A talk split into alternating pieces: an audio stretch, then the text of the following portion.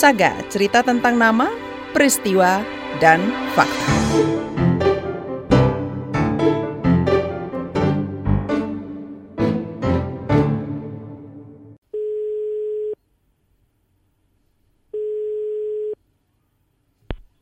Halo, Halo. halo selamat sore. Iya, selamat sore. Masih ingat suara saya? Siapa ya? Damar. Damar. Iya, iya, iya. Apa kabar? Aduh, aku bilang sama ibu-ibu Mm-mm. ini, inget nggak tuh da- sama Damar, Damar KBR gitu. Aku bilang gitu kan. Oh, yang wawancara kita pertama kali. Kemarin kan ibu-ibu. Tujuh tahun berlalu, pada 2012, saya sempat menulis cerita tentang paduan suara para penyintas tragedi 65-66 bernama Dialita. Uci Kowati Fauzia tadi salah satu anggotanya.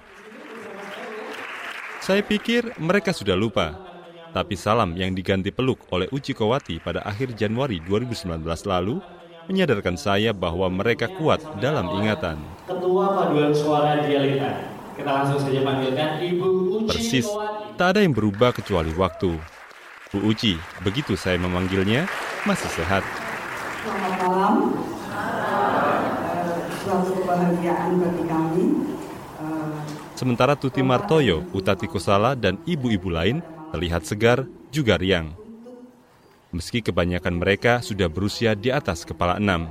Itu mengapa paduan suara ini dinamai Dialita, kependekan dari di atas 50 tahun. Album yang kedua yang diproduksi oleh rumah bonita Dialita dan rumah bonita Rumah Bonita. Rumah Malam itu, di Kutu House Jakarta, mereka meluncurkan album kedua, Salam Harapan. Seperti yang pertama, 12 lagu kali ini mendapat sentuhan dari musisi-musisi muda. Di antaranya, Petrus Prianto Adi, Junior Sumantri, Enda Widyastuti, Bonita, juga Andi Jonathan Palempung. Terima kasih Mas. Mari sama-sama kita sambut dengan hangat. Paduan Suara Dialita. Tata cahaya berpusat ke panggung. Satu persatu anggota Dialita mengisi deret kursi yang disusun dua lajur. Tuti Martoyo duduk paling kanan di bagian suara sopran.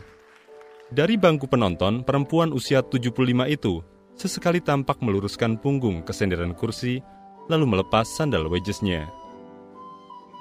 Ia tak kuat berdiri lama-lama. Saat bernyanyi saja, tangan kanannya harus bertumpu pada tongkat berkaki tiga yang menopang beban tubuhnya.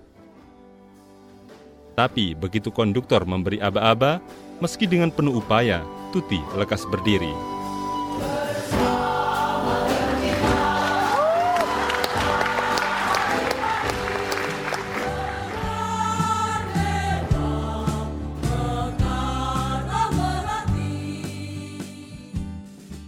lagu Salam Harapan itu sendiri sebetulnya dibikin di dalam penjara Bukit Duri di mana di situ ibu-ibu itu untuk eh, menduk saling mendukung karena di dalam penjara itu kan sangat susah dan sangat eh, menderita sekali.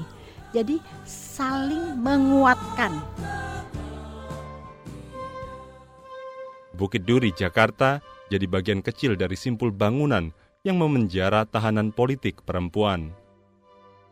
Huru-hara politik 65-66 mengakibatkan setengah juta lebih rakyat jadi korban, sementara ribuan orang di penjara. Di penjara-penjara itulah puluhan lagu tercipta.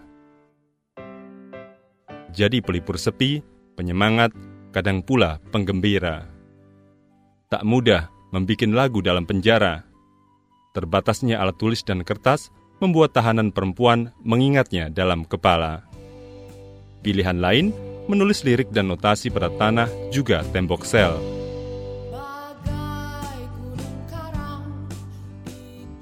Lagu tadi misalnya ditulis di sela kerja paksa di penjara Bukit Duri. Lirik lagu berjudul Salam Harapan ditulis Murtiningrum.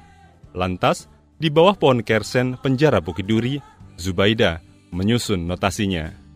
Ini jadi salah satu lagu wajib tiap kali ada tahanan berulang tahun.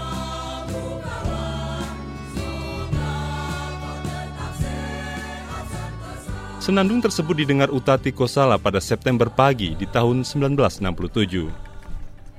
Saat itu, ia berulang tahun ke-23. Utati masih ingat betul ketika serombongan perempuan sesama tahanan politik diam-diam menyelinap ke Blok B penjara Bukit Duri. Ia sama sekali tak menyangka, kawan-kawannya tak semua memang bikin kejutan perayaan sederhana. Menyanyikan lagu yang isinya akan memberikan semangat pada kita untuk tetap bertahan, tetap sehat, tetap ya dan bukan karena semuanya nggak punya apa-apa di situ ya punyanya hanya salam salam penuh kasih yang dihantarkan bukan bunga indah da, mewangi bukan uh, dupa harum setanggi tapi hanya salam penuh kasih gitu. Dan apa agar tetap tabah di situ agar uh, tetap ya tabah uh, tetap punya harapan Saban ritual ulang tahun, lagu Salam Harapan tak pernah luput disandingkan dengan tetap senyum menjelang fajar.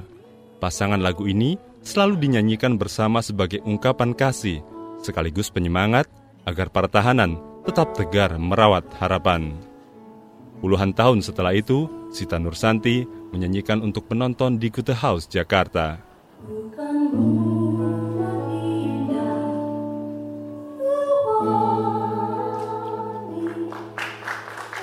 Saya bergidik, sesekali coba melirik, yang lain sedang khidmat menyimak. Kebanyakan lagu di album kedua lahir dari rahim penjara Bukit Duri. Di lokasi ini pula, kerinduan Utati Kusala malih rupa menjadi lagu berjudul Ibu.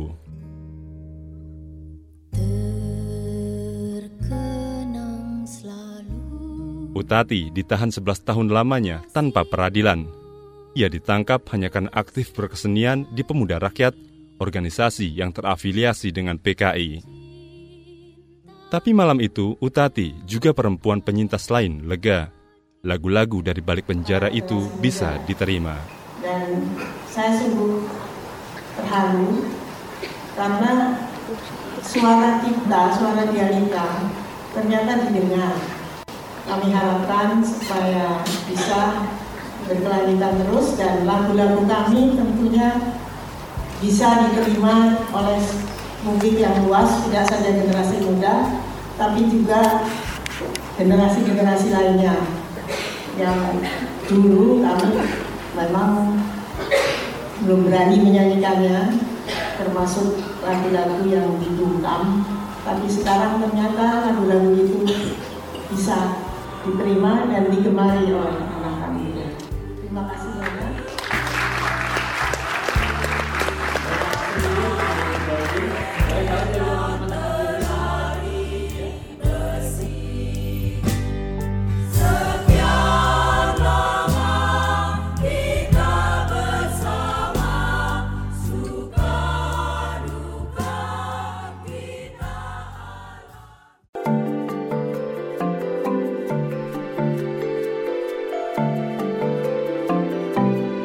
Saga cerita tentang nama, peristiwa, dan fakta.